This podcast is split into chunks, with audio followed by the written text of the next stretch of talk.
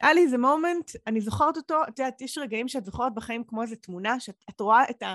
אני זוכרת את הגרגירים של האבק, את מכירה את זה שהקרן אור פוגעת מהחלון ואת רואה את השבבים האלה באוויר? ככה אני זוכרת את זה, כזה חד. ו... וישבתי על קצה המיטה ו... וממש שאלתי את עצמי, זה, זה אני? זה ככה? ככה זה ממשיך עד, עד גיל uh, פרישה? זה, ככה נראים חיי? אני קמה בבוקר, עולה על מדים, אז כבר שירתתי בקריה בתפקיד האחרון שלי. ככה? ומשהו היה לא נכון, זה הרגיש לי בגוף לא נכון.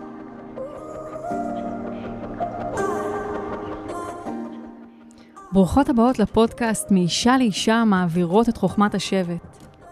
בעולם העיר מבוסס תוצאות שמושתת על ערכים זכריים, אנחנו אנשים שמתפקדות על הרבה כובעים, בית, משפחה, עשייה עסקית, קל לנו ללכת לאיבוד, להתרחק מהטבע ומהקול האמיתי שלנו ולשכוח את עצמנו.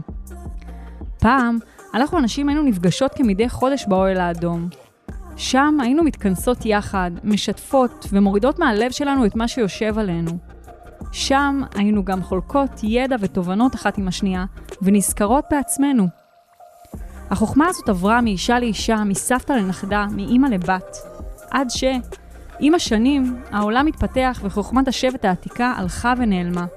והיום, החוכמה והתובנות האלה כבר לא זמינות לנו. הבקשה שלי באמצעות הפודקאסט הזה להחזיר את הרע ליושנה, לאחד את השבט הנשי, לאפשר לכל אישה ואישה להיתמך על ידי חוכמת השבט ולקבל את הרפואה, התובנות וההשראה מהשבט הנשי שלה. אני מיטל פרייברג לוסטיג, מומחית לתת מודע, מרצה, אומנית יוצרת תכשיטי עוצמה, אימא, אשת איש ומנחת הפודקאסט מאישה לאישה.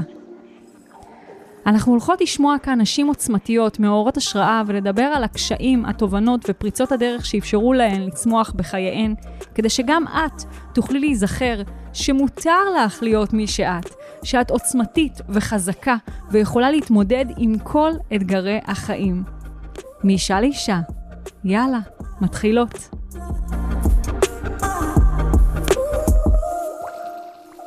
אז אה, תגידי, מה בעצם הביא אותך לחקור את עונות השנה? האם תמיד היית מחוברת למקצב הטבעי, לפעימה של אימא האדמה?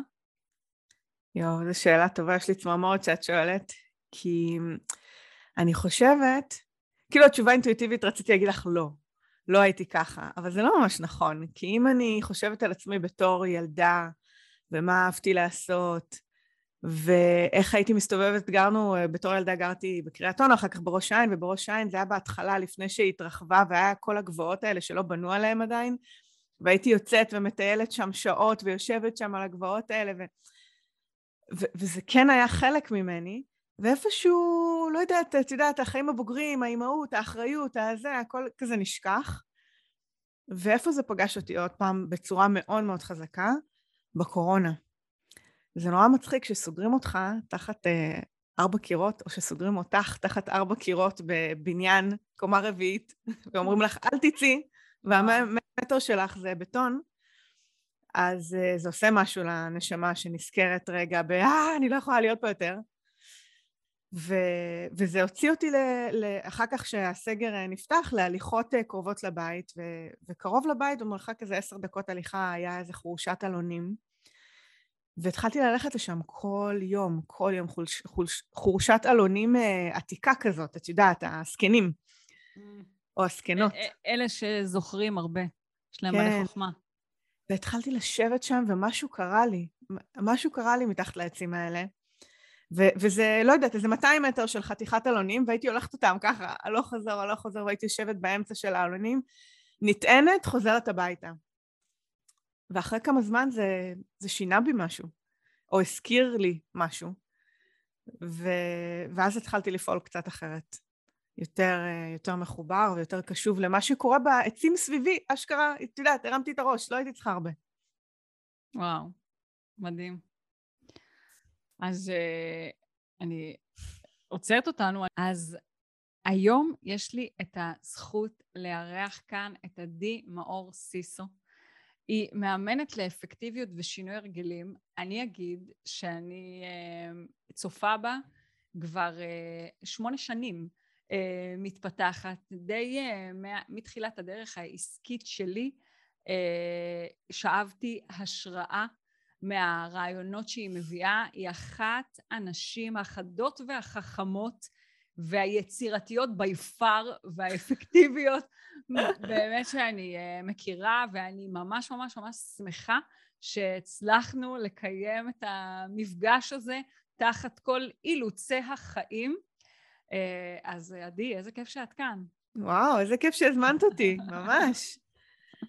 אמ, וואו, ש... תודה. אני אגיד שבפרק הזה אנחנו בעצם הולכות לדבר על אה, איך להתחבר למקצב הטבעי שלנו ולרתום אותו כדי לבנות חיים שתומכים בנו. ב... אה, אני אגיד שאנחנו כ... כנשים, יש לנו אה, חוויית חיים שהיא... אני עושה ככה, התנועה הזאת עם היד, אני אגיד לטובת מי שלא שומעת, זה איזושהי תנועה עגולה כזאתי. יש הרבה מערכות יחסים שאנחנו נדרשות לקחת בחשבון בחיים שלנו כדי לנהל חיים. ואם אנחנו אה, לא עושות את זה בתוך איזושהי מסגרת מסוימת, אם אין איזשהו סדר, אז יכולה להיות לנו נטייה לזלוג לתחום אחד, לקדש תחום אחד ולהזניח תחומים אחרים. ואם אני מדברת על עצמי לצורך העניין, אני קידשתי את תחום הקריירה והזנחתי תחומים אחרים. זה יכול להתאפשר אולי כשאת חיה את החיים שלך בחד במדיות, זאת אומרת את עכשיו אינדיבידואל וחיה לבד, או שיש לך בן זוג, טוב את יכולה להזניח את הקשר. כשמגיעים ילדים לתוך הבית, את כבר מקבלת את המציאות לפרצוף שלך ואין שום סיכוי שלא תפצחי את זה ואת פיצחת. אז... גם בואי, אני נושמת כי את יודעת מה זה פיצחת. אני במסע כמו כולנו, ואני חושבת שפשוט שמתי את זה לנגד עיניי מוקדם בחיים. ואולי יש לי קצת יותר כלים בארסנל, בואי, אני לא איזה... תודה, אבל אני מרגישה שכל הזמן החיים גם אותי, שמים אותי בכל מיני מצבים של אה, בחינה ו... ואתגרים חדשים. אמ, יש לי שני ילדים אה, גדולים בבית, לביא, אמ, נכון להקלטת פרק זה עוד מעט בן 13, היה לה עוד מעט בת 10, וקטנה בת עוד מעט שנה. אז אני במודע שמתי את עצמי מחדש באתגר החיים של אה, תינוקת בבית, ואין לזה סוף, תמיד יש משהו. ואני חושבת שכנשים, חלק מהעניין זה לזכור שמלכתחילה אנחנו ישויות עגולות. זאת אומרת, גם אם לכאורה אנחנו חושבות שאין לנו יותר מדי בחיים חוץ מאשר תחום אחד, זה לא נכון. זה לא נכון, כי אפילו אם אמרת קריירה, כי גם אם אני ממוקדת בקריירה שלי, אני רווקה, קרייריסטית, עדיין יש לי את הכובע של, שלי, של לדאוג לעצמי. ולהתפתחות שלי או לגוף שלי. אז זה כבר איזה שלושה כובעים. אז באופן כללי התפיסה של לשים את כל הביצים בסל אחד או להתמקד עם כל האנרגיה שלי בדבר אחד היא, היא לא נכונה. היא לא נכונה לנו כנשים במיוחד, אני אדבר בשמנו, אוקיי? במסגרת הפודקאסט הזה. אמ, וחלק מהעניין זה לדעת לחלק את האנרגיה או את הגלים האלה בין כל התחומים. זה לא עוגה שמחלקים אותה, את יודעת, למשולשים בצורה שווה, זה בסדר שכל תקופה יהיה את משהו עם הקצת יותר פוקוס, או אפילו כל שבוע. לפעמים כל שבוע, תכף נדבר על משתנות ועונתיות, אבל באמת אנחנו משתנות כל הזמן, אז זה בסדר שיש תקופה שאני יותר ממוקדת במשהו אחד וקצת בדברים אחרים, אבל אני לא מזניחה. אני דואגת שכל כל גוזל יקבל את המנה שהוא צריך באותו רגע. מדהים. ותגידי, אה, את מגיעה מה, מהידיעה שלי ומזיכרון שלי, את היית אשת צבא. אני חושבת שכדאי נכון. רגע להניח את זה פה. כי, נכון. כי בעצם... אולי אני אציג את עצמי קצת יותר, יבינו את הקונטקסט. כן, כן, תני קצת איזשהו רקע ש, שנבין מה התנועה שאת uh, עשית. כי בעצם, המון בפודקאסט הזה, יש uh, שיח על uh, אנרגיה זכרית ואנרגיה נקבית ועל התנועה שאנחנו עוברות ממנה. ואני, במקום שבו אני יושבת וצופה, וצופה בך מהצד השני של הרשת, וגם יצא לנו ככה אה, להיפגש, נכון. אה, ראיתי את התנועה של ההתעגלות שלך, אה, גם את יודעת, כעדות או כמראה לתנועת ההתעגלות שלי. כן. אז, נכון, אז... כי שתינו עברנו תהליכים מאוד מאוד משמעותיים, זה נכון. אז, אז ספרי קצת על התנועה של ההתעגלות הזאת. וואו. מה הייתה הנקודה שיצאת ממנה, ואולי אם את יכולה לציין כמה נקודות מרכזיות בדרך שראית שבהן ממש. קיבלת זווית. זווית, כן. אמ, אז אני, אני אציין כמה תחנות. אחת זה שגדלתי בבית, אולי כמו הרבה נשים שהם בטמפרמנט הזה, בבית אה, מערכתי, אה, עם, את יודעת, ביקורת כזאת גבוהה, הצטיינות, אה, דחיפה למימוש, אה, כזה למצות את היכולות שלנו, וזה שם אותי במקום כאילו של אה, מאוד להצטיין, כן? מאוד לדחוף להצטיינות. זה מגיע כאילו מהבית, אבל זה גם באיזשהו מקום אה, בא ממני, וזה מה שהכרתי בתור ילדה, וככה המשכתי גם בתור אה, אישה בוגרת.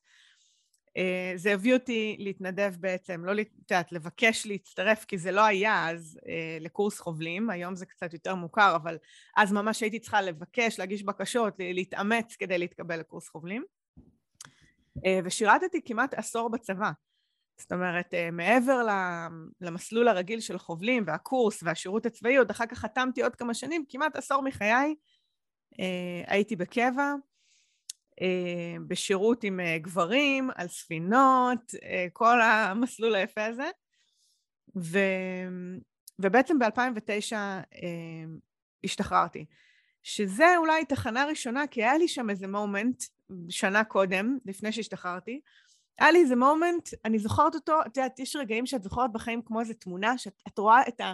אני זוכרת את הגרגירים של האבק, את מכירה את זה שהקרן אור פוגעת מהחלון ואת רואה את השבבים האלה באוויר? ככה אני זוכרת את זה, כזה חד. ו...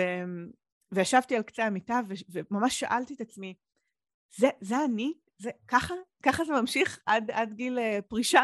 זה, ככה נראים חיי? אני קמה בבוקר, עולה על מדים, אז כבר שירתתי בקריה בתפקיד האחרון שלי. ככה, ומשהו היה לא נכון, זה הרגיש לי בגוף לא נכון. ואני לא, אני הייתי ראש ומעלה בתקופה ההיא, לא היה גוף. אני החזקתי את האנרגיה שלי למעלה, הגוף, או שהוא עוזר או שהוא מפריע, אבל זה לא... זה לא חלק מהמשוואה, אבל זה היה כל כך חזק שלא יכולתי להתעלם מזה. והלכתי עם זה, הלכתי עם הדגירה הזאת כמה זמן, עד שבסופו של דבר אני שמחה להגיד שלפחות בחיי אני, אני כן קשובה לקולות הפנימיים האלה לאורך החיים, אז, אז על אף הקושי המאוד גדול והרמות גבה, ביקשתי להשתחרר. ו, והתחנה השנייה הייתה שהלכתי להיות uh, מאפרת, שזה כאילו 180 מעלות לצד השני. אפרופו, אני חושבת שהייתי בסביבה גברית כל כך חזקה, שהייתי בן, שהיה לי איזו קריאה פנימית קצת להיות בת, ממש ממש. את יודעת, אני מקצינה את זה, אבל ממש לקחתי את זה לשם. אמ, זכיתי באיזה קורס, ואז שכללתי את זה עוד, ולקחתי עוד קורסים, וזה, ולקחתי את זה לעולם שלי ולצרכים שלי לכמה שנים. אמ, בתור בן אדם יצירתי לא יכולתי רק לאפר, אז פתחתי בית ספר לאיפור באינטרנט, ובמושגי אינטרנט עשיתי דברים מאוד יזמיים.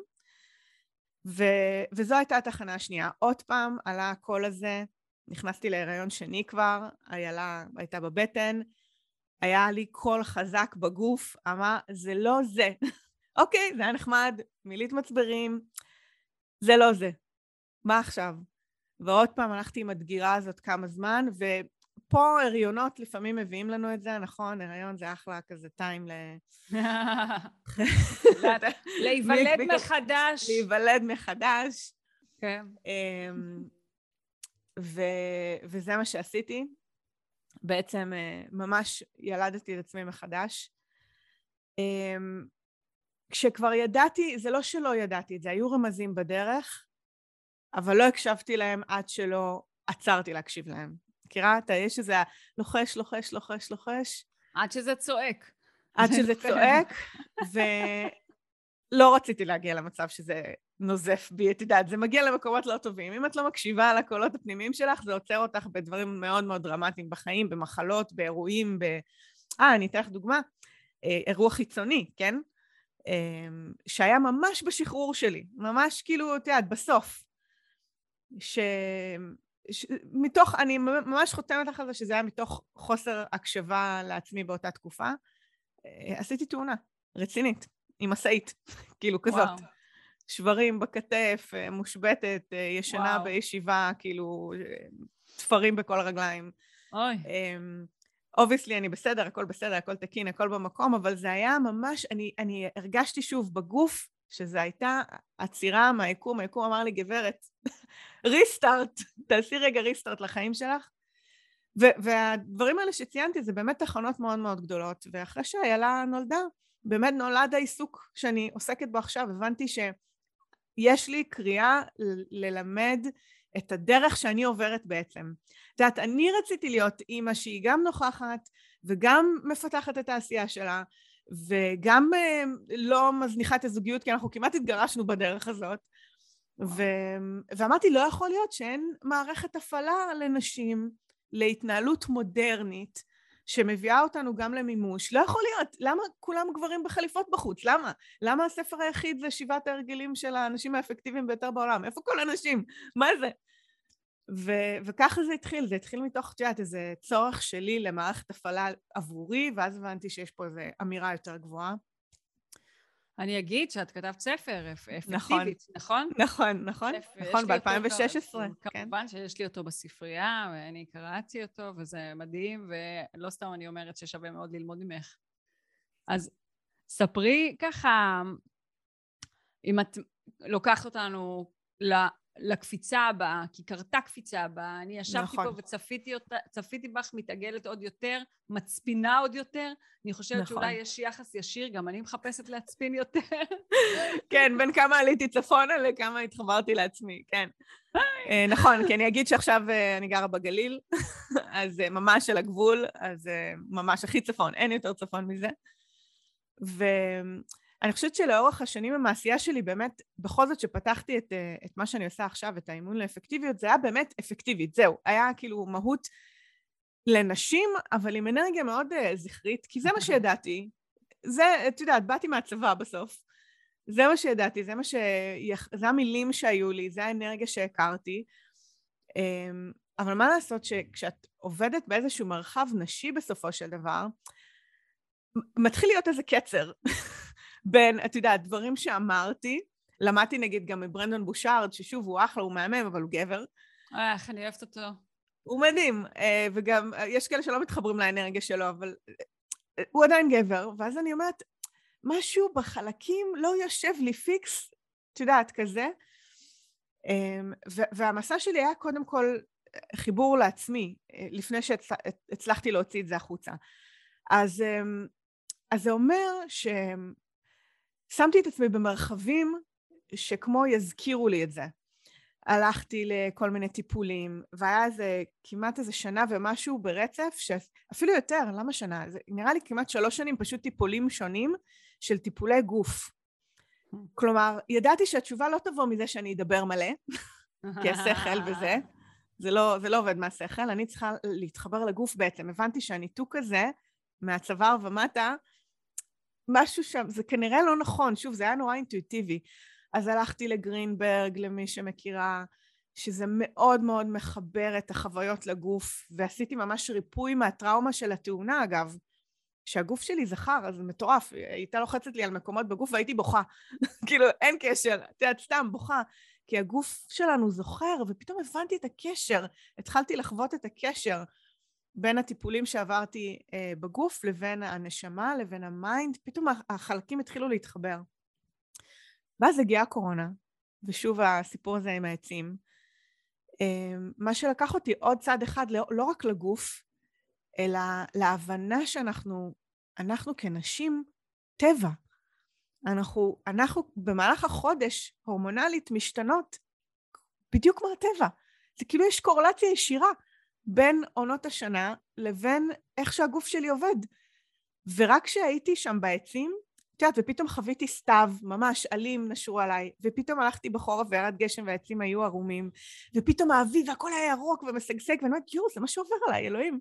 איך כאילו אף אחד לא עושה את ההקשר הזה עבורנו, ואיך ש... לא רק איך שהגוף שלנו עובד, גם, גם אפילו פרויקטלית, את יודעת, גם כשאני לוקחת על עצמי איזשהו פרויקט, יש איזו תקופת דגירה, נכון? הרגע, הרגע דיברתי על זה, יש איזו תקופת דגירה שאני מהרהרת בפרויקט ואני חושבת עליו, ואז אני מתכננת אותו, ואז יש את ה... אני יוצאת החוצה ומדברת עליו, ואחר כך מסיקה מסקנות ממה עבד, מה לא עבד. זה אותו דבר, זה, זה סתיו, חורף, אביב, קיץ, אותו דבר. וברגע שאנחנו מתחילות לראות את זה, משהו בהלקאה העצמית שלי, שאני הלכתי עם הביקורת הזאת של הילדה שגדלתי, הביקורת שאת לא עושה מספיק, זה את לא בקצב, את לא זה, זה לא נכון, משהו שם התחיל להתרכך. מתוך ההבנה שיש איזשהו מקצב אחר שזה בסדר לנוע בתוכו, ואני עדיין, וואלה, מספיקה דברים. אני עדיין עושה לא מעט, וואו, דברים קורים, איך זה? איך אני גם נחה וגם מהרהרת וגם יצירתית, אבל גם, את יודעת, שצריך, או כשאני מגיעה לרגע הנכון בפרויקט, אני יכולה, מה שנקרא, לגייס את האנרגיות אולי יותר אה, אה, זכריות, שזה בסדר, כמובן אנחנו צריכות אותן, זה חלק ממי שאנחנו, ולהשתמש בהן, ולעשות דברים, הדוינג הזה, פשוט לא צריך להיות כל הזמן בדוינג. וזה הלמידה שאני חושבת שהטבע הזכיר לי, ו- וזה קל להיזכר בזה, כי זה, את יודעת, רק צריך להסתכל החוצה רגע ולראות את זה סביבנו. אולי זה הגליל, הגליל יותר הזכיר לי את זה, את יודעת איך העצים התחילו, הגליל והצפון פשוט הקיפו אותי בזה יותר. אני אגיד שמה שאת אומרת הוא חזק מאוד, כי אה, עברנו פה בפודקאסט דרך הפרקים שממש מעבירים תהליך. זאת אומרת, אני ממש רואה איך השיחה שנערכת פה קשורה קשר ישיר לפרק שיצא לאחרונה על המחזוריות אה, החודשית, ו...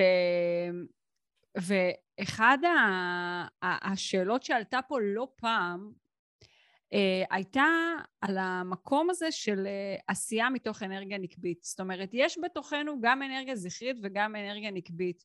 יש בתוכנו גם, זה כזה את היין והיאנג, זה, זה לא רק האנרגיה הזכרית או האנרגיה הנקבית, זה גם הנקבי נכון. שבזכרי והזכרי שבנקבי.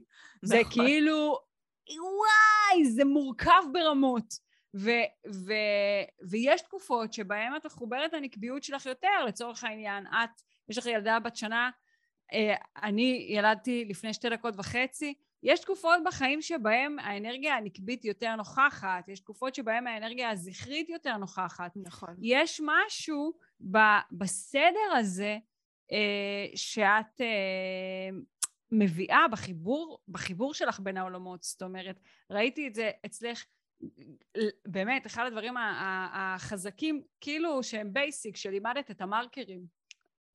נכון. איך לעבוד עם מרקרים. איך לצבוע, כן, כאילו, זה נורא פשוט, מה, יש לך מרקרים, כאילו. מי ש...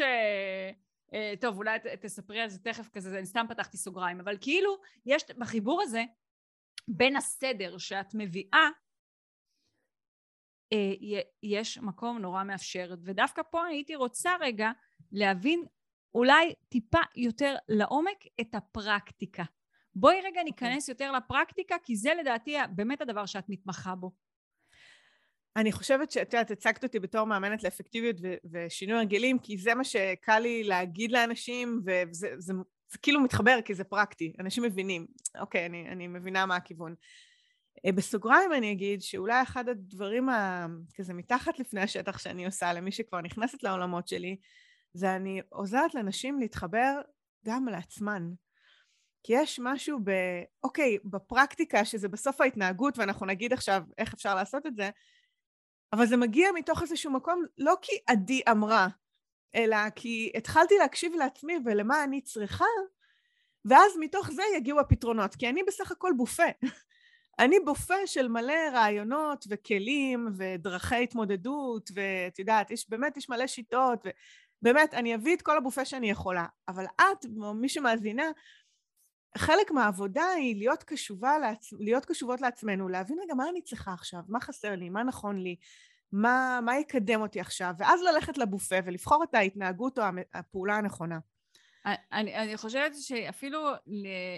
אני רוצה רגע לחזק את דברייך, וכאילו לתת שנייה רגע איזה מסגרת, אה, כי אני מאוד מתחברת למה שאת אומרת, שתינו מאוד אה, מדברות על הנביאה הטבעית הזאת, זה לא איזה משהו גנרי, שמה שאת הולכת להגיד עכשיו הולך לצורך העניין לשים מישהי בתוך משבצת ואם היא לא מתאימה לתוך המשבצת הזאת אז נו נו נו לכי תחבטי בעצמך. נכון. אלא באמת חשוב uh, להבין שזה איזושהי בוננות שמאפשרת לך אולי להסתכל על עצמך uh, בצורה יותר uh, ממוקדת ולקרוא את המפה uh, שלך ולשחרר הלקאה עצמית. כי בעצם אנחנו אומרות, וזה באמת אני יכולה להגיד בתור אה, אישה עושה, שבתקופות בחיים שלי שבהם לא ידעתי שיש, כמו שאת אומרת, את העונות השנה, ושאני מסונכרנת עם עונות השנה, ושכרגע אני בפירוק, וכרגע אני בהתקלפות, או כרגע החורף ואני בהתכנסות, ואז את אה, אומרת לעצמך, אבל צריך, אבל אני צריכה לעשות, אבל אני, למה אני לא עושה? יש משהו לא בסדר או, יש לי פתרון לא לזה. לא או,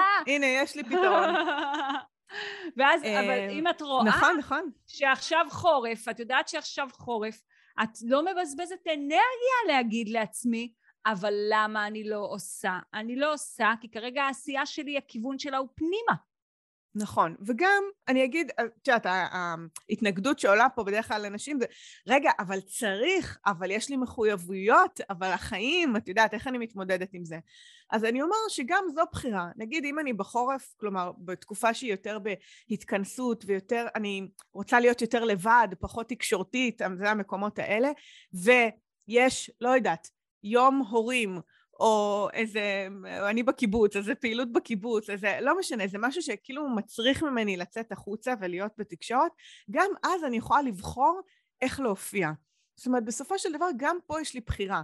אני יכולה אה, לשלוח את בן הזוג, אני יכולה אה, להגיד מראש במרחב שאני הולכת אליו, אני, אני באנרגיות קצת יותר אה, אה, מכונסות היום, אז את יודעת, שיקבלו את זה בהבנה, איזה תיאום ציפיות. אני יכולה לבחור מבין כל מה שיש לי על הצלחת, מבין כל המשימות, לבחור את המשימות שהן יותר לקדם את המאחורי הקלעים כרגע, ופחות המשימות של אה, לצאת החוצה. אני אשמור אותן ל... את יודעת, שבוע הבא, עוד שבועיים, זה כבר, האנרגיה תשתנה. ו- וזה המקום, כי אנחנו מבזבזות כל כך הרבה אנרגיה על ביקורת עצמית והלקאה עצמית, למה? בוא ננתב את זה פשוט לעשייה שמותאמת למצב. אני אפילו לא אמרתי אל תעשי, רק בוא נתאים את זה לאנרגיה שאת נמצאת בה כרגע, ואת עדיין תתקדמי, זה בדיוק הקטע. שאנחנו יכולות להיות קשובות ועדיין להתקדם. זה הסיבה שאגב, אחרי הלידה הצלחתי לעשות כל כך הרבה דברים לכאורה, את יודעת, כלפי חוץ, לא כי הייתי בעשייה, את יודעת, של מלא כדורים באוויר בו זמנית, החיים גם ככה מביאים לנו מלא כדורים, אלא בחרתי את הפעולות שהרגשתי שהן מותאמות למצב, ולכן כלפי חוץ זה מצטייר שאני במלא מלא מלא עשייה, אבל זה לא נכון. היה לי משהו אחד שהתמקדתי בו, ובגלל שהוא היה מדויק, הוא יצר אדוות מאוד גדולות בחוץ. כשאנחנו בהתנגדות ואנחנו נלחמות, אנחנו מבזבזות אנרגיה, ואז האנרגיה לא יוצאת החוצה כמו שאנחנו רוצות. מבינה? זה מאזן אנרגטי כזה. איזה מדהים זה מה שאת אומרת. בואי רגע, כי קפצנו ישר לעומק, אבל לא כולן יודעות על מה אנחנו מדברות כשאנחנו אומרות על עונות השנה. אז, אז בואי רגע ניתן איזשהו כזה קו רוחבי להבין את הפרספקטיבה כן. של איך אנחנו בכלל מסתכלות על הדבר. בואו נתייחס לטבע כאל אה, מטאפורה, בסדר?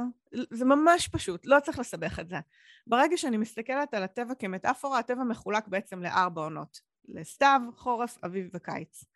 עכשיו אם אני מסתכלת על מה קורה בטבע, אני יכולה ללמוד על, ה, אה, על ההתנהגות שלי או ההתנהגות בתוך פרויקט בהתאם לעונה.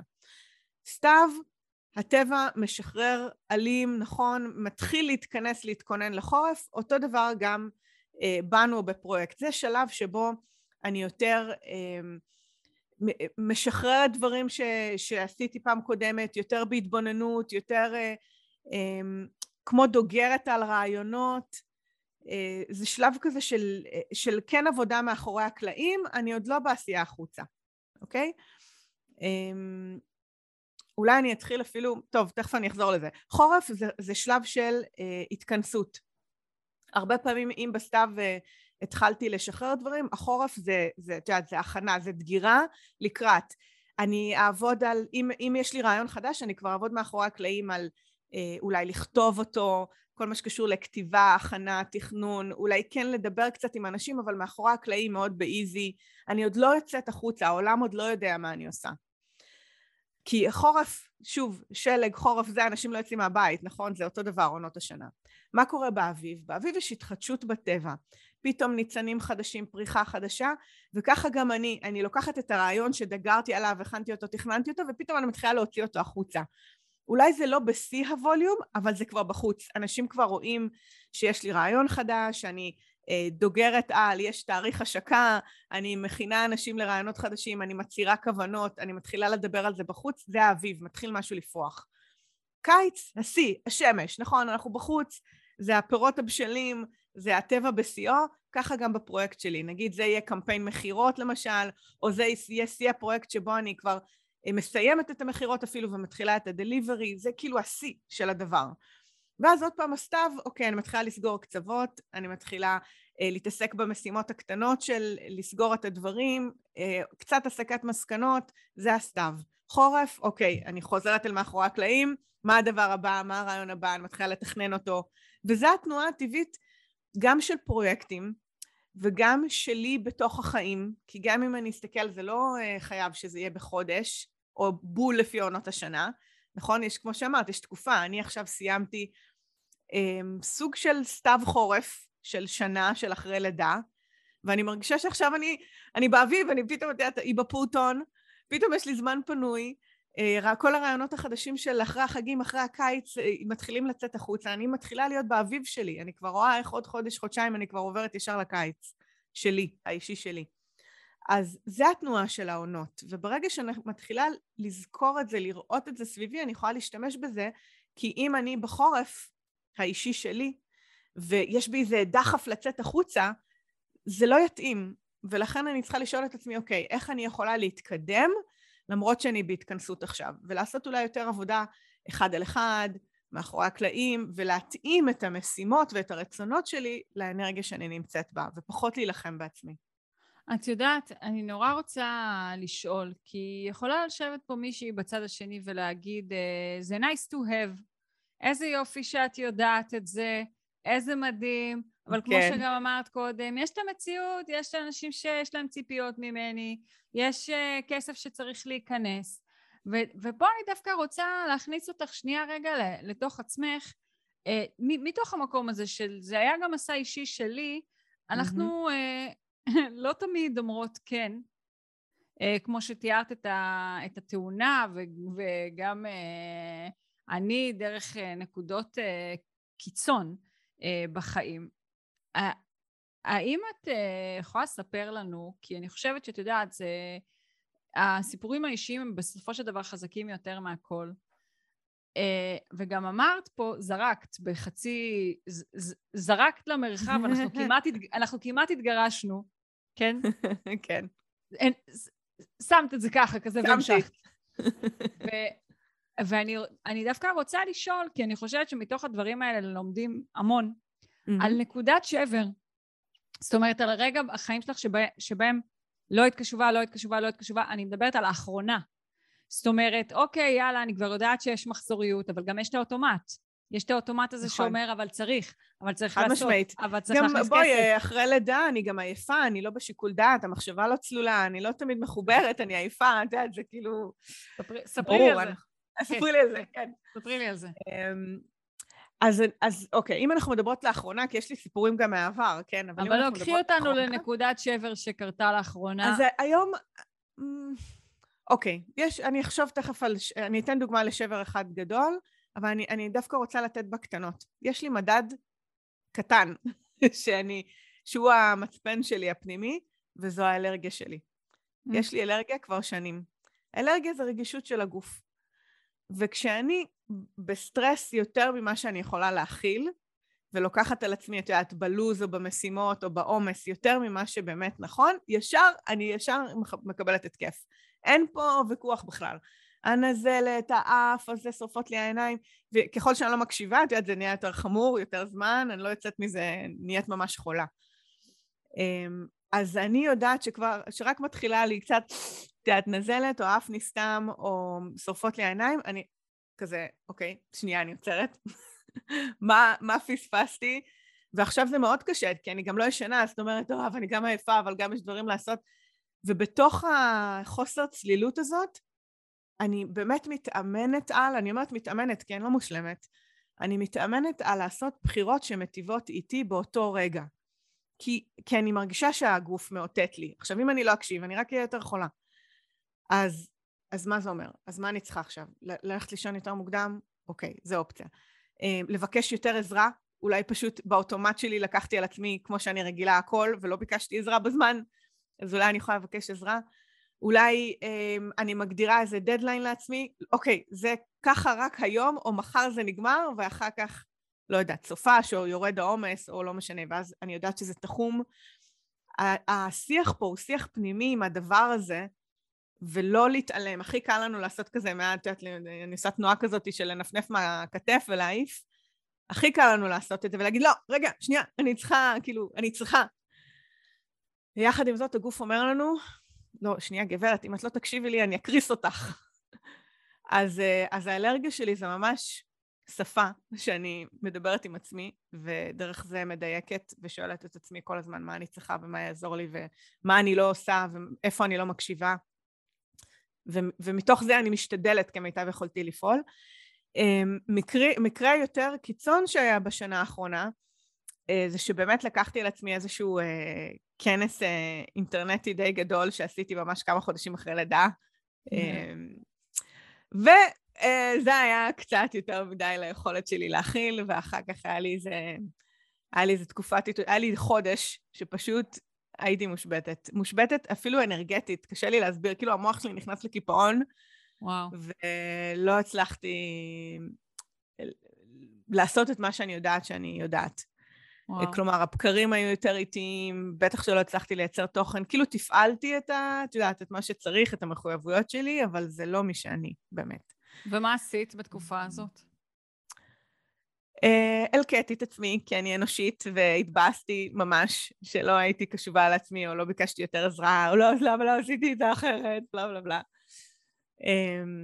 אבל, אה, אבל אני גם יודעת לראות את זה בזמן לפני שאני צוללת לאיזה עולם שחור מדי, וגם אני בטיפול, וגם אני מדברת, ואני נעזרת במעגלי תמיכה שלי שעזרו לי לצאת מהמראה השחורה הזאת. אמ, ואז נתתי לזה להיות קצת, כי באמת המצברים שלי היו מרוקנים. אז פשוט נתתי לזה להיות, ידעתי שאני, זה לא מי שאני, אני פשוט מרוקנת ועייפה ומתוסכלת. וזה עבר. ואני חושבת שכמו הטבע, שוב, אם אני אחבר אותנו לזה, הטבע תמיד משתנה. כל יום אני יוצאת לעדניות שלי בחוץ ואני רואה, אוי, יש פרח חדש, אוי, יש עלה, אוי, זה נשר. כי, כי תמיד יהיה שינוי, ואם אני רק משחררת, אז, אז גם זה יעבור. וזה לקח לי המון שנים ללמוד את זה, ובדרך מאוד מאוד כואבת וקשה, כי אני, זה, זה קונספט מאוד חדש, מה שאני אומרת עכשיו, מאוד בקלילות. לא הייתי ככה. ממש לא. תגידי, ומתי מסיקים מסקנות? כי בעצם אני מרגישה שהשלב הזה של העסקת מסקנות, שמה שפעם היה טקס הלקאה עצמית, כן? כן. טקסי הלקאה עצמית, שלא נותנים לנו שום דבר, אבל זה איזשהו משהו שלימדו אותנו, כי זה, זה כמו התעודה כזה, מה עשינו לא בסדר, פחות וואו, כאילו ממש. מה עשינו טוב, וזה איזשהו משהו שאנחנו כנשות עסקים, נשות קריירה שרוצות להצליח, מתפתחות להבנה שתהליך הסקת מסקנות שנובע ממה לא, לא מלמד אותנו מה כן ומאפשר לנו לפרוץ דרך לרמה הבאה שלנו, ויחד עם זאת, אנחנו לא תמיד נמצאות במקום רגשי שבו אנחנו יכולות לראות את הטוב שקרה. באיזה עונה מסיקים מסקנות כדי שאנחנו נוכל אה, לצבור את תאוצה למהלך הבא? בעיקרון בסתיו, אחרי השיא של הדבר, ש... שאני אחרי השיא קצת, זה מתחיל לרדת ואני עוד בטוב, בשאיפה, יש פה איזה עניין של, ה, של התרגול של החלון ביקורת הזה. כי מה שקורה למי שרגילה לחשוב ככה, ביקורת, זה שאח, שאחרי הקיץ, שהשיא של הפרויקט אה, יורד, אני כמעט אוטומטית בסתיו שלי אכנס לביקורת. מה לא עשיתי, זה לא היה טוב, אויש בכנס היא לא הייתה מרוצה, זאתי לא זה, כל מיני כאלה. וזה הרגל. אם אני שנייה אתחבר למקום שלי, את יודעת, מקום של שינוי הרגלים, זה הרגל. ולכן מה שאני רוצה לעשות זה להתאמן במקומות האלה על אה, להפוך ביקורת לבקרה. זה ממש דפוס מחשבתי, הרגל מחשבתי שהתאמנתי עליו ועדיין מתאמנת, על כשאני תופסת את עצמי שאני בביקורת, כי הביקורת תגיע, כי המוח שלנו מכוות שלילי וכל הדברים האלה צפים גם ככה. אוקיי, תופסת את זה, אני בביקורת עכשיו, נושמת, מה הבקרה? מה אני מנסה להגיד לעצמי? מה אני יכולה לעשות עם זה פעם הבאה? זה ממש שאלות שאני שואלת במודע. אוקיי, מה למדתי פה בעצם? איך אני יכולה... הרי בקרה, אני, אני אחדד אפילו יותר. ביקורת היא העבר. זה מה שהיה. אין לי דרך לשנות את זה. בקרה היא ההווה והעתיד שלי. ולשם אני נעה גם ככה. אז עדיף לי לא להתבוסס בעבר ובביקורת, כי אין לי מה לעשות עם זה, זה לא משרת אותי חוץ מלגרום לי להרגיש חרא. אני מנסה במודע להתאמן בהתאם למצב הנפשי שלי, כן, לפעמים אני צריכה באמת עזרה, אבל כמיטב יכולתי אני משננת קודם כל לעבור מביקורת לבקרה, בקרה, בקרה, ולאט לאט השאלות מגיעות של אוקיי, מה למדתי מזה, מה אני יכולה לעשות פעם הבאה, אה, במי אני יכולה להיעזר פעם הבאה, אני רושמת לעצמי דברים. ושוב, זה אימון, זה שריר כמו כל שריר מנטלי אחר, ואנחנו זה, אנחנו יכולות לפתח אותו. אנחנו לא נולדות עם זה. אוקיי, okay, ואם אני רוצה לסכם ברמת הכותרות, אז אנחנו אומרות שהסתיו הוא הזמן של הבקרה, וגם הזמן של התכנון? ש... אנחנו כמו מסיקות מסקנות, ו- ומה שנקרא לתכנן, לקחת דף ולרשום דברים, הרבה פעמים אנחנו נעשה אפילו לקראת החורף, כשאנחנו כזה בעבודה של מאחורי הקלעים. להכין את הדברים, הרי מה זה תכנון? זה להכין את הקרקע לפני שאת יוצאת החוצה, אז זה פחות או יותר שלבים, זה לא הרמטי, נכון? כמו הסתיו חורף, זה לא מדע מדויק. אז תני לנו אותם רגע ב- לסיכום בכותרת, שנראה שלא פספסנו כלום. את העונות? כן. כן, אז um, סתיו זה הסקת מסקנות אחרי פרויקט, um, מה למדתי, לקחים, רעיונות לפעם הבאה, זה סתיו. חורף, תכנון וכמו דגירה מאחורי הקלעים, לדבר עם אנשים מאחורי הקלעים, uh, לתזמן דברים או לשים את הזרעים בעצם בחורף, כי הזרעים האלה הולכים לנבוט באביב. האביב זה היציאה החוצה, זה להצהיר כוונות בחוץ, לשים טיזרים, אה, להתחיל להניע תהליכים שיווקיים, זה האביב, והקיץ זה השיא. זה השיא של הפרויקט, השיא של המכירות, ההתחלה של הדליברי, המרכז העשייה שאני הכי הרבה באנרגיה ובתקשורת בחוץ, ואז עוד פעם, אוקיי, השיא יורד, סתיו, הסקת מסקנות, מה למדתי מזה, מה אני לוקחת מזה לפעם הבאה, וזה התנועה בעצם בתוך פרויקטים והעשייה שלנו בכלל. מדהים, איזה כיף. אני ממש... אה, אני שמחה על השיח הזה, אני אה, לא יודעת בדיוק מתי הפרק שלנו יצא, אבל אני חושבת שאנחנו אה, ממש אחרי החגים כזה, הכל נורא נורא מפוזר, ומה שאנחנו מביאות כאן יכול קצת יותר להכניס למסגרת ו... לאסוף. לאסוף את האנרגיה. כן, האנרגיה mm-hmm. מפוזרת, זה לדעת לאן אני מכוונת אותה ואיפה אני יוצקת אותה, ובאמת לבז... לא לבזבז אותה על הלקאה עצמית או על אה, ניסיון להבין איפה המקום להתמקד בו, אז, אז תודה על, ה, על הפוקוס הזה. אמ, אני אשאל אותך, אנחנו ממש קרובות לסיום, אז אני רוצה לשאול אותך אה, עוד איזה שתי שאלות. אה, קודם כל, את יודעת, הפודקאסט הזה נולד מתוך מקום של אני קמאתי לאוהל נשי. פעם היינו יושבות, אנחנו הנשים באוהל האדום, ופשוט מחליפות מידעים. אם זה החל ממידעים לגבי אה, אימהות אה, כאילו, את יודעת, אה, משנות חיים ברמה שאין לתאר, כמו אימא צעירה שהרגע ילדה שהיא לא מבינה שהיא הולכת להעניק כל שתי דקות, אז כשהיא יושבת להעניק היא יושבת ככה, ואז כזה אחרי שבוע כואב לה כל הגוף, ואני כשהגעתי למרחב נשי פעם ראשונה ריפדו אותי במלא כריות, ואני כזה, מה הן רוצות? למה הן עושות את זה? זה כאילו... כן, אבל, כן, אבל מוכר. זה, זה חוכמת השבט שהיא עוברת, וגם הדברים שאת מביאה פה זה באמת חוכמת השבט. אם היינו עכשיו יושבות באוהל האדום ומנהלות שיחה, והיית מדברת על הדברים שתמיד את מדברת עליהם, או היית חולקת איזו תובנה שפיצחת ושינתה לך את החיים, מה זה היה? וואו. תובנה אחת. או אפילו איזה טיפ אחד, או אפילו משהו שחי אני... בך עכשיו להעביר. כן, בא לי להגיד ש... כל התשובות נמצאות בתוכנו, ו- ואנחנו פשוט, במיוחד בעולם המודרני, נמצאות רוויות ברעש חיצוני והיסטורי. רעש, פשוט רעש. רעש מאיך שגדלנו, ורעש מהמציאות של היום, ורעש מה, מהחיים, רעש מלא מלא מלא מלא רעש. ואם אנחנו כבר באוהל האדום, זה דווקא מקום של שקט. מקום שאפשר רגע להיות מספיק בשקט כדי לשמוע את הצרכים של עצמנו ואת הכמיהות של עצמנו ואת השיגעונות של עצמנו ולתת לזה מקום, וכשאנחנו נותנות לזה מקום אז זה גובר על הרעש בחוץ, כשאנחנו פועלות ככה, מתוך אה, חיבור אמיתי. אה, וזה מהדהד לילדים שלנו ולאנשים סביבנו, ויש לזה עוד כמו אנרגיה נקייה כזאת. כשלרוב אנחנו פועלות על אנרגיה מאוד מלוכלכת מהרעשים בחוץ. ו... ואני מזמינה אותנו להיות רגע שנייה בהקשבה באוהל האדום הזה ולהיות בשקט למה מה אני צריכה עכשיו ומה באמת אני רוצה עכשיו ולצאת עם זה אחר כך החוצה בחזרה לשבט ולחיים. מדהים. ואת יודעת, עולה לי להגיד בהמשך למה שאת אומרת, לפעמים אנחנו לא שומעות את עצמנו, אולי נקשיב לחברה, נשמע מה אנחנו אומרות. כאילו, אם מישהי עכשיו באה ומדברת איתי על משהו, זה לא סתם שמשכתי אותה למרחב שלי, אולי מרוב רעש שיש לי אני לא מצליחה לשמוע את עצמי, אולי אני אקשיב למה היא אומרת, אני אבין מה, מה קורה בתוכי. כן, זה מהדהד, תמיד, כן. אוקיי. Uh, אני uh, תמיד uh, אומרת, ואם עכשיו אני סיימתי להקשיב לפרק הזה בפודקאסט, ואני אומרת, אני רוצה עוד לשמוע את עדי, זה לא הספיק לי, קיבלתי טעימה, ובא לי עוד להבין מה האישה הזאת עושה, שמיטל אמרה עליה שהיא כזאת uh, מעוררת uh, השראה, ובאמת מספר אחת בתחום שלה אין, אין בכלל מה להגיד. אם רוצה לשמוע עוד. איפה אני הולכת לקבל אה, עוד מזה? טוב, מאוד קל למצוא אותי ברשת, אפשר לעשות את דימה אוסיסו בגוגל, למצוא מלא אופציות. אה, האתר שלי זה דימאוסיסו.co.il, וגם יש אה, פודקאסט בשם אפקטיבית מעבר לספר, שאפשר למצוא אותו באפליקציית הפודקאסטים, ועומד לצאת פודקאסט חדש בשם גדלה להיות, אז, אז יהיה עוד מקום לדבר על המקום האימוני הזה של מי אני גדלה להיות ואיך אנחנו מתרחבות גם אה, כנשים וב mindset שלנו ובכלל בחיים. אולי תארחי אותי בפרק בפודקאסט, שבוא נספר. ברור, אנחנו to be continued. לידת הבזק שלי בשבוע 31, גדלתי להיות. וואי, וואי, אני בטוחה שיש לך מלא מה להגיד על זה. אממ, כן, כן, אז, אממ, אז מאוד קל למצוא אותי. Um, וגם יש. לך...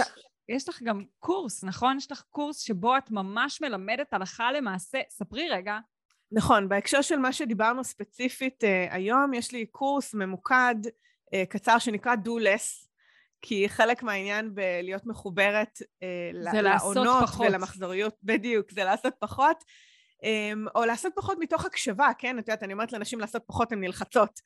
Mm. לא, אני לא לוקחת לכם כלום, אנחנו בואו בוא נעשה משהו שהוא פחות לרוץ, יותר להיות בהקשבה ועבודה אפקטיבית, ובקורס הזה אני בעצם מחברת אה, יותר בהרחבה את המקום הזה של העונתיות והמחזוריות ולבקש עזרה ולדעת איך לתעדף ואיך לבחור באמת את הדברים המשמעותיים לנו כדי להתמקד בהם.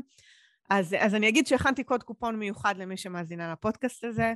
יש. מי שתזין, אה, אנחנו נשים בטח לינקים וזה בפודקאסט, אבל מי שתזין את הקוד קופון אה, מאישה לאישה, תקבל בעצם הנחה משמעותית על הקורס, ו... וזה צ'ופר קטן, למי שהאזינה עד עכשיו. איזה מדהים. רגע, מאישה לאישה עם יוד? כמו שזה כתוב שת... עשית את זה? כן, כן כמו שזה כתוב. מאישה לאישה עם יוד. כן, כמו שזה כתוב בפודקאסט, כן. מעולה, מעולה. יש, איזה כיף, תודה רבה. זה ממש אה, שווה להאזין לפרק הזה. ממש. ואני uh, בטוחה שהקורס, uh, אני משוכנעת שהקורס מדהים. Uh, כמו שאני מכירה אותך והדברים שאת יוצרת הם uh, באמת uh, תמיד ברמה מאוד מאוד מאוד גבוהה. הוא ענייני, הוא פרקטי, אבל גם, את יודעת, רגשי, רוחני, הכנסתי שם, ארזתי הכל, וזה אה, למידה עצמית, ככה שכל אחת יכולה לעשות את זה בקצב שלה, עם חוברות עבודה, ממש חמוד. קורס כיף. שימושי. מדהים, מדהים, מדהים. יופי. אז uh, אני רוצה לסכם את הפרק הזה, ומאזינות שלנו אוהבות שאני מסכמת, שבעצם בפרק הזה דיברנו על איך להתחבר למקצב הטבעי שלנו, ובעצם אפשר להגיד לתכנן את החיים שלנו בהתאם לעונות השנה. ולי זה עושה המון המון סדר, כי ברגע שיש איזושהי מסגרת מסוימת שאנחנו לומדות, אנחנו לומדות איזושהי פעימה. כמו שאנחנו לומדות את עונת השנה, אנחנו לומדות בעצם את הפעימה שלנו, ואנחנו כאן למדנו את הפעימה החודשית, ועכשיו אנחנו מסתכלות על זה בפרספקטיבה של עוד יותר זום אאוט, להסתכל על הפעימה השנתית ו- ולהבין שבעצם כשאנחנו אה, מתאימות או לומדות את התנועה הזאתי אה, אנחנו מבזבזות פחות אנרגיה על שיפוטיות, על הלקאה עצמית ויותר קל לנו לסנכרן בין התחומים בחיים שלנו, בין פרויקטים ספציפיים שאנחנו מנהלות אני חושבת שמבחינתי הדבר כאילו הכי גדול שאני לוקחת מפה זה הקטע של הניהול אנרגיה.